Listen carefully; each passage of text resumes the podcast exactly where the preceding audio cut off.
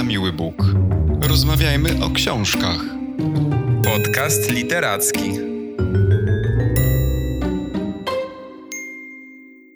Cześć, witajcie w kolejnym świątecznym odcinku podcastu na miły Bóg.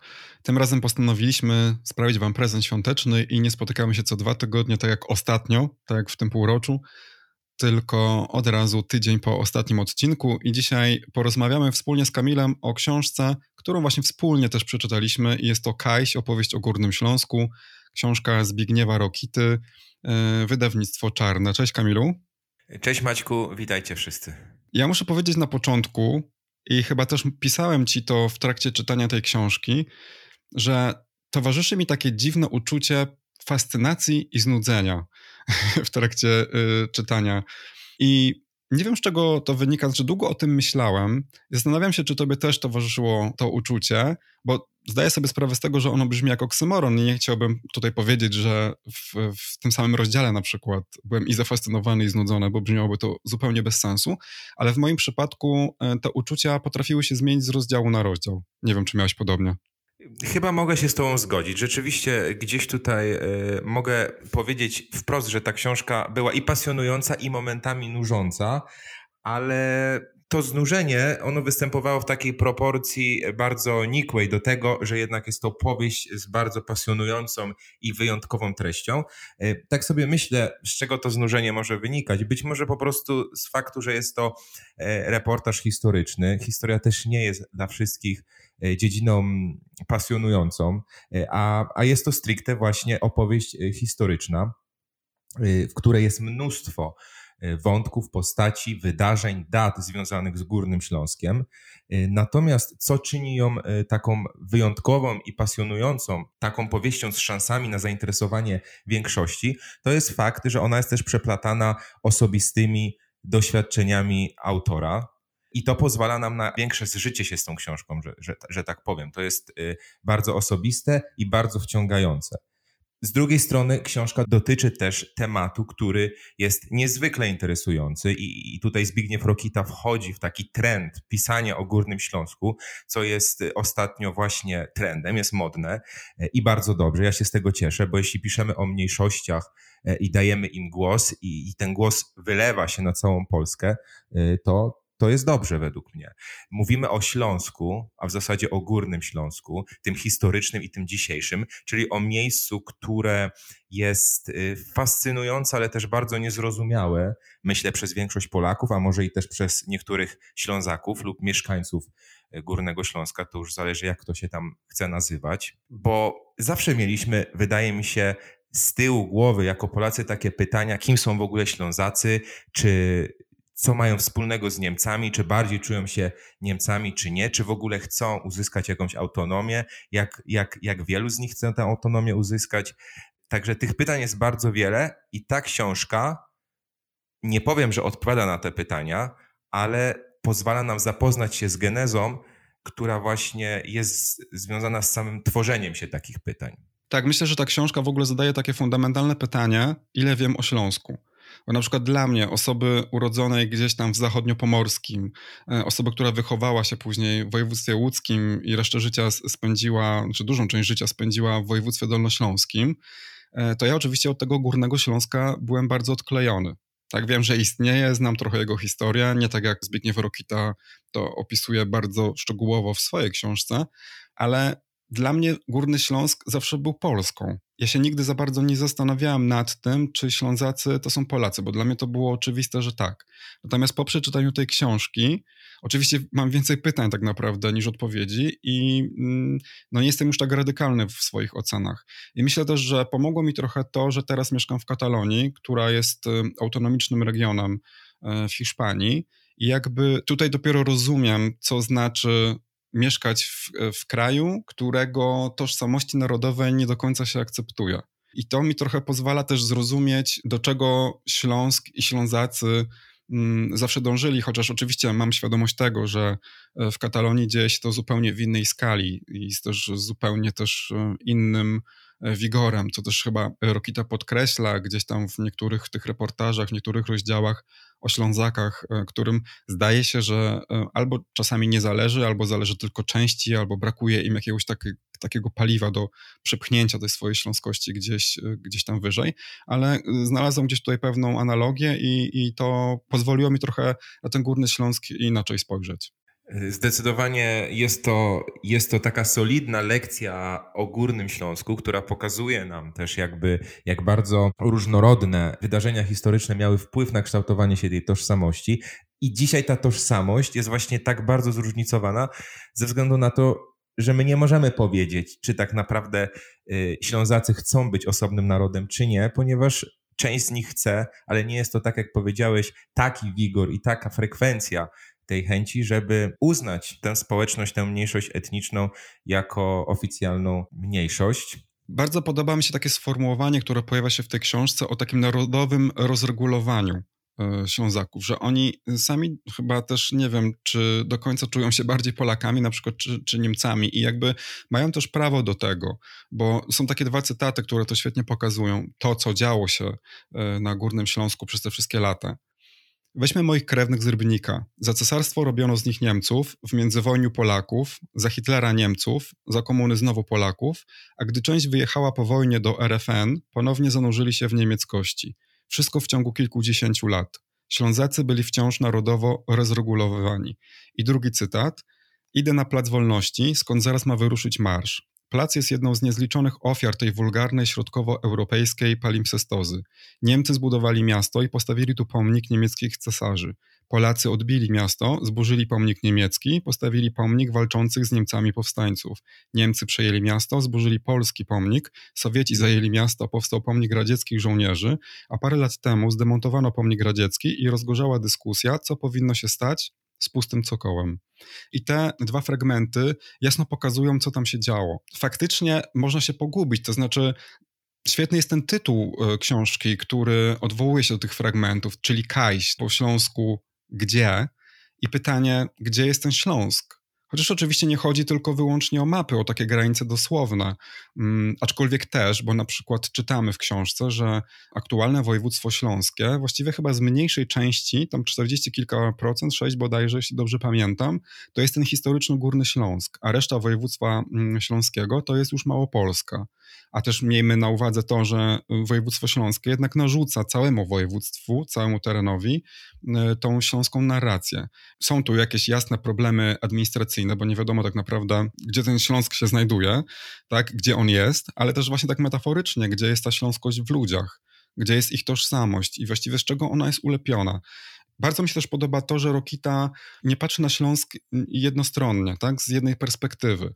Też być może przez to, o czym przed chwilą mówiłem, o tym takim rozregulowaniu, o tym, że raz tam była Polska, albo raz tam byli Polacy, raz tam byli Niemcy, to jakby tworzą się takie właśnie dwie różne e, perspektywy i ten Śląsk nie jest tylko taki jednowymiarowy i, i też Rokita nie tworzy książki, która byłaby ideologiczną łopatą, tak, którą autor nam wkłada śląskość do głów tylko przygląda się właśnie i zastanawia się sam, e, gdzie jest Śląsk, gdzie są Ślązacy, zastanawia się też właśnie, mm, jakim on jest Ślązakiem, czy polskim, czy niemieckim. Ostatecznie chyba określa się jako taki właśnie e, polski Ślązak, ale e, to, to, to pamiętam, że to, to było dla mnie no, niezwykłe. Nawet czytanie o tym takim dosłownym położeniu czy granic, na przykład o, o tym, że linia podziału na przykład idzie przez, przez czyjeś podwórko, tak? I, I na przykład dom stoi na terytorium Niemiec, a już y, ta część gospodarstwa, na której stoi wygódka, alianci przyznali Polsce i tam pada takie zdanie, że w Niemczech się je, a w Polsce wysrywa, tak? Albo na przykład jest fotografia, na której mężczyzna stoi oparty o płot i pilnuje dziecka bawiącego się na ulicy i mężczyzna wraz z podwórkiem to druga Rzeczypospolita, a dziecko bawi się w trzeciej Rzeszy. Oczywiście zdaję sobie sprawę z tego, że tego typu zdjęcie można zrobić na każdej granicy dowolnej na świecie. Natomiast y, y, w kontekście całej tej opowieści o Górnym Śląsku, to zdjęcie i tego typu opowieść jest niezwykle, niezwykle symboliczna. Ogólnie bardzo podoba mi się też jakby część e, osobista, e, która zawarta jest w reportażu Zbigniewa Rokity, bo nie wiem, czy zauważyłeś, on rzeczywiście jest jakby przedstawicielem obecnego pokolenia i zastanawia się nad swoją tożsamością i ma z tym nie lada problem, prawda? To jest e, pewnego rodzaju zakłopotanie. Czy, ten, czy ta śląska tożsamość to jest, tak jak już zastanawialiśmy się wcześniej, bardziej polska, bardziej niemiecka, a może w ogóle odrębna i on to analizuje tak jak mówimy na, na, na podstawie całej historii, y, Górnego Śląska, z czego ostatnie stulecia są opisywane z dużą szczegółowością, ale analizuje to też na podstawie y, historii swojej rodziny. I to jest bardzo ciekawa część tej książki. Mamy załączone do tej książki drzewo genealogiczne jego rodziny, które jest bardzo pomocne, bo opowiada on o swoich prapradziadkach, pradziadkach, dziadkach, rodzicach y, i to drzewo pozwala nam jakby być cały, cały czas kontrolować tę sytuację. I co jest wyjątkowego w tych losach rodziny, jak i różnych rodzin na Śląsku, to jest taki fakt, że na przykład pradziadek mógł walczyć w Wehrmachcie, a dziadek mógł walczyć już w powstaniach śląskich o przyłączenie terenów śląskich do Polski międzywojennej na przykład. E, I takie sytuacje mogą stwarzać bardzo duże zakłopotanie i stwarzały w, w, powojennej Polsce, kiedy to na przykład Zbigniew Rokita opowiada o historii w polskich szkołach, gdzie nauczycielka historii wymagała od y, dzieci napisania wypracowania na temat swoich dziadków o tym, co robili, czym wsławili się dla swojego kraju. I nagle żadne z tych dzieci w klasie nie przyniosło tego wypracowania, bo okazało się, że wszyscy dziadkowie albo większość dziadków dzieci z tej klasy działało w Wehrmachcie, ponieważ takie były wcześniej granice i tak y, tymi terenami kierowała historia. No i żadne z dziecko nie chciało w polskiej szkole y, komunistycznej już pisać o takiej historii swoich dziadków, bo nie było to w dobrym tonie. Te historie w bardzo interesujący sposób jakby tutaj pokazują tą różnorodność i burzliwość dziejów e, na Górnym Śląsku, z której ja sobie w zasadzie nie zdawałem sprawy, dopóki ktoś mi tego nie wyłożył tak solidnie e, jak właśnie Zbigniew Rokita. Tak, zgadzam się, szczególnie z tym dziadkiem z Wehrmachtu, prawda? Bo jednak w Polsce, zwłaszcza w ostatnich latach, funkcjonuje to w kontekście no, Donalda Tuska, więc zupełnie inna część przeciwległa y, naszego kraju. No tak, to o czym teraz mówimy stwarza oczywiście taką sytuację i takie pytanie, jak w takim miejscu zbudować swoją tożsamość, na czym ją w ogóle oprzeć i gdzie są jej fundamenty na przykład. Przecież o tym też pisze Twardoch w Pokorze. Natomiast fascynujące dla mnie jest to położenie Śląska, który jest takim, tam chyba też pada takie sformułowanie, że Śląsk jest jak czyściec czyli takie właśnie miejsce pomiędzy, nie? jak jakiś taki przesmyk między dwoma kontynentami, że właściwie Ślązacy dla Polaków są zbyt niemieccy, dla Niemców są zbyt polscy i przez cały ten czas, ponieważ nie mają swojego kraju niepodległego, to żyją w jakiejś takiej dziwnej dwoistości i ukrywają swoją prawdziwą tożsamość, więc oni nie tylko nie mogą jej zbudować, tylko to, co mają, jakieś resztki tej tożsamości, gdzieś muszą dochować po szufladach, taką tożsamość w takim dosłownym właśnie znaczeniu. Oto ja taki jestem, tak mówię, w to wierzę, to teraz to biorę i chowam do szuflady, bo nie wiem, przyszła komuna i nam zabraniają mówić tak i tak. Tam przecież jest fascynująca e, opowieść o tym, jak do Polski wkraczają komuniści i jakby muszą zniknąć wszystkie ślady świadczące o tym, że na tych ziemiach kiedykolwiek e, były Niemcy i trwa tak zwane wielkie ukrywanie. I, i latami władza każe walczyć z niemieckim słowem e, i nawet powstają jakieś komisje, i, i, które sprawdzają wszystko, wchodzi się do zakładów pracy, do szpitali, sprawdza się najdrobniejsze jakieś tam słówka na termometrach, czy na jakichś urządzeniach, maszynach, na wagach w sklepie, nawet na podstawkach do piwa, w, w barach, na garnkach, widelcach i tak dalej, w domach, w restauracjach. I to się po prostu usuwa. I książki, tak? I też um, Rokita pisze o książkocydzie, zagładzie książek. I później jest taka scena, kiedy ci ludzie gdzieś po wielu, wielu latach idą na strych i, i znajdują na strychu duże walizki, w których trzymają jakieś swoje stare rzeczy. E, I jedno mówi do drugiego, chyba już można bo już minęło tyle lat, y, komuna się skończyła gdzieś tam może w latach 80., powiedzmy, i oni znoszą tą walizkę ze strychu i wyjmują z niej pojemniki na przyprawy, na których jest napisane Gewurz, cukier, Salz. Czy też ten przykład, y, który ty przytoczyłeś z nauczycielką, on też zrobił na mnie bardzo duże wrażenie, bo to też są takie właśnie różnice, które wypływały dopiero po latach, bo dosyć, że musimy ukrywać to, co dzieje się teraz w naszym domu, język, którym mówimy, rzeczy, które, po, które posiadamy y, i, i nawet te głupie słowa, które na tych e, wszystkich rzeczach widnieją, to oprócz tego musimy oczywiście ukrywać naszą przeszłość. Pamiętam takie zdanie, że, że tej przeszłości właśnie autorowi brakowało, bo jeżeli to wszystko było gdzieś takie poukrywane, zakamuflowane, zapomniane też, bo to jest też książka o niepamięci, prawda, o niepamiętaniu, więc to wszystko powoduje, że jakby wiesz, brakuje tej takiej materii, z której można swoją tożsamość e, ulepić. A jeżeli jesteśmy już przy takich ciekawych opowieściach, które są w tej książce, ja muszę przyznać, że właśnie te opowieści, które są takimi, no takimi reporterskimi perełkami też i każda, każda z nich zasługuje pewnie na jakiś swój obszerny, być może nawet książkowy reportaż, one zrobiły na mnie dużo większe jednak wrażenie niż ta opowieść e, rodzinna.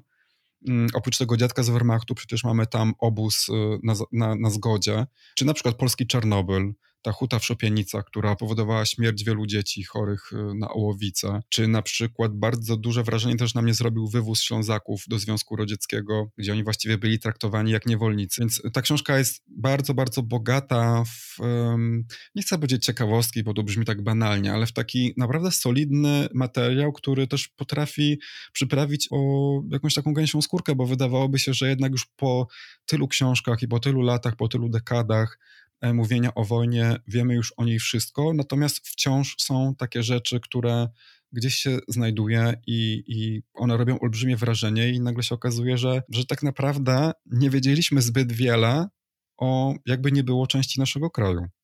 Tak, i trzeba tutaj też powiedzieć, że e, rzeczywiście to jest bardzo solidny materiał, ale to też jest materiał, który jest wywiadem społecznym, bardzo zaangażowanego E, człowieka w sprawę śląską, który tak naprawdę e, stara się tę śląskość zrozumieć. E, nie wydaje mi się, że to mu się udaje, ale chyba nie jest taki cel tej też książki. Co mógłbym powiedzieć jeszcze o tej książce?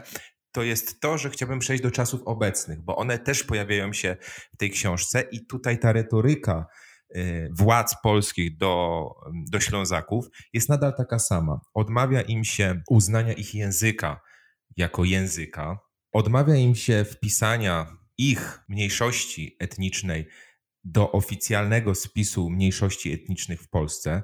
Powiedzmy też, że liczebnie Ślązaków jest y, o wiele więcej niż na przykład uznanych oficjalnie mniejszości takich jak Tatarzy czy Łemkowie. Y, mówi się, że gdyby uznać y, naród śląski jako mniejszość etniczną, to on byłby porównywany z Y, narodem takiego Urugwaju czy Estonii na przykład, jeśli chodzi o liczebność. Więc cały czas odmawia się Śląsku uznania tej ich tożsamości i tutaj pojawia się też pytanie, dlaczego tak się dzieje? Czy ze względu na ich liczebność, czy być może mm, jest to też polityka antyniemiecka, która też jakby przechodzi do takiej debaty e, e, politycznej w obecnych czasach w naszym kraju.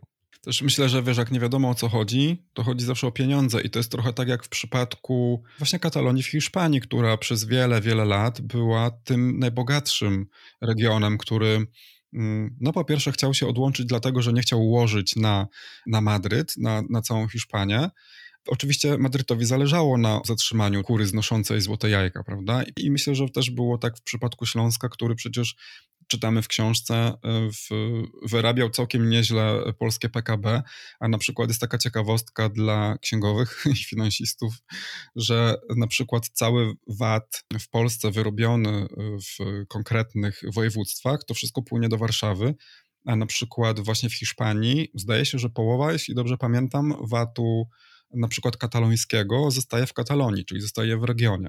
Więc myślę, że wiesz, w takiej sytuacji, kiedy no, jeden z bogatszych regionów w kraju, który nagle zaczyna przebąkiwać o jakiejś nie, niezależności, autonomii, czy nie daj Boże już nie, niepodległości, to oczywiście włącza się wszystkim hasło separatyzm, który w Europie ma takie dosyć negatywne konotacje, bo, bo oczywiście kojarzy się bardzo z terroryzmem.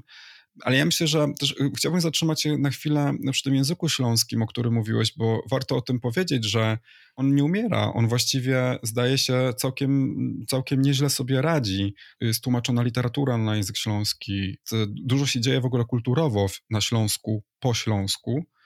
Mam takie własne przemyślenie a propos tego śląskiego, bo tam się pojawia taki e, rozdział o tym, że śląski często jest kojarzony z takim językiem ludzi prymitywnych, wulgarnych, niewykształconych, że jak się mówi po śląsku, to mówi się z błędami, niegramatycznie, bo tak to właśnie powinno niby brzmieć. Tam jest taki cytat, że to taka podświadoma dewaluacja śląskiego przez nasycanie go przekleństwami czy słowami związanymi ze sferą tabu i słuchacz dostaje komunikat, śląski do niczego lepszego się nie nadaje. I przypomniał mi się nasz odcinek e, o Lenie Ferrante i o Neapolu i o dialekcie neapolitańskim.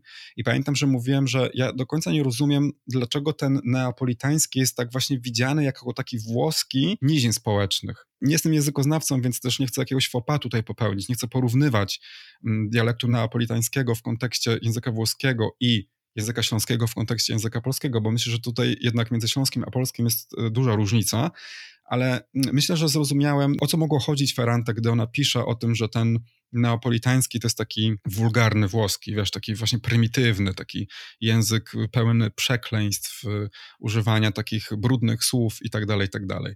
I myślę, że tak właśnie śląski y, przez y, wiele osób też być może w Polsce być postrzegany, chociaż myślę, że to się zmienia, bo kiedyś było tak, że właśnie śląski to był śmieszny i używało się go gdzieś tam w kabaretach, e, w jakichś głupich dowcipach i tak dalej. Natomiast teraz myślę, że mm, Ślązacy są bardzo dumni ze swojego języka i bardzo dobrze i, i mi, mi, się to bardzo podoba i pamiętam, że przy Pokorze, nie wiem czy pamiętasz, jak czytaliśmy Pokorę, to ja się bardzo cieszyłem, bo całkiem nieźle nam szło z zrozumieniem tego śląskiego. Tak, zdecydowanie. E, ale trzeba powiedzieć, że Szczepan Twardoch także robił takie przypisy w przypadku dłuższych fragmentów po śląsku, żeby, żeby czasami tutaj tej orientacji czytelniczej nie stracić. Rzeczywiście ja się też cieszę, że takie książki powstają, zdobywają nagrody nie tylko y, jurorów, ale także czytelników, ponieważ y, to tak jakby burzy ten mit Polski jednorodnej etnicznie. To pozwala mniejszościom y, dochodzić do głosu, tym mniejszościom, które przecież mają troszkę inną genezę i, i, trochę inną historię i trzeba o tym mówić. Powinniśmy promować tę literaturę, co niniejszym czynimy. Bardzo cieszę się, że również w naszym podcaście Kajś się pojawiło. Y, uważam, że to jest książka uzmysławiająca pewne rzeczy, o których się w Polsce nie mówi lub mówiło się bardzo po cichu. Teraz mówi się coraz głośniej. Kibicujmy, żeby te języki regionalne i ta tożsamość regionalna była znana i była po prostu należycie szanowana. Tak, myślę, że bardzo ważne jest to celebrowanie tej takiej różnorodności w Polsce i skończmy już e, z takim myśleniem, że wszyscy jesteśmy tacy sami, szarzo-szarzy, jak to śpiewają niektórzy i że, e, że jesteśmy takim krajem homogenicznym, bo chyba właśnie nie jesteśmy albo nie jesteśmy na tyle, jak nam się wydaje. Kamilu, dziękuję Ci za dzisiejszą rozmowę. Pozdrawiamy wszystkich świątecznie raz jeszcze i do usłyszenia już wkrótce. Wesołych świąt i do usłyszenia w następnym odcinku na miły Bóg. Rozmawiajmy o książkach. Podcast literacki.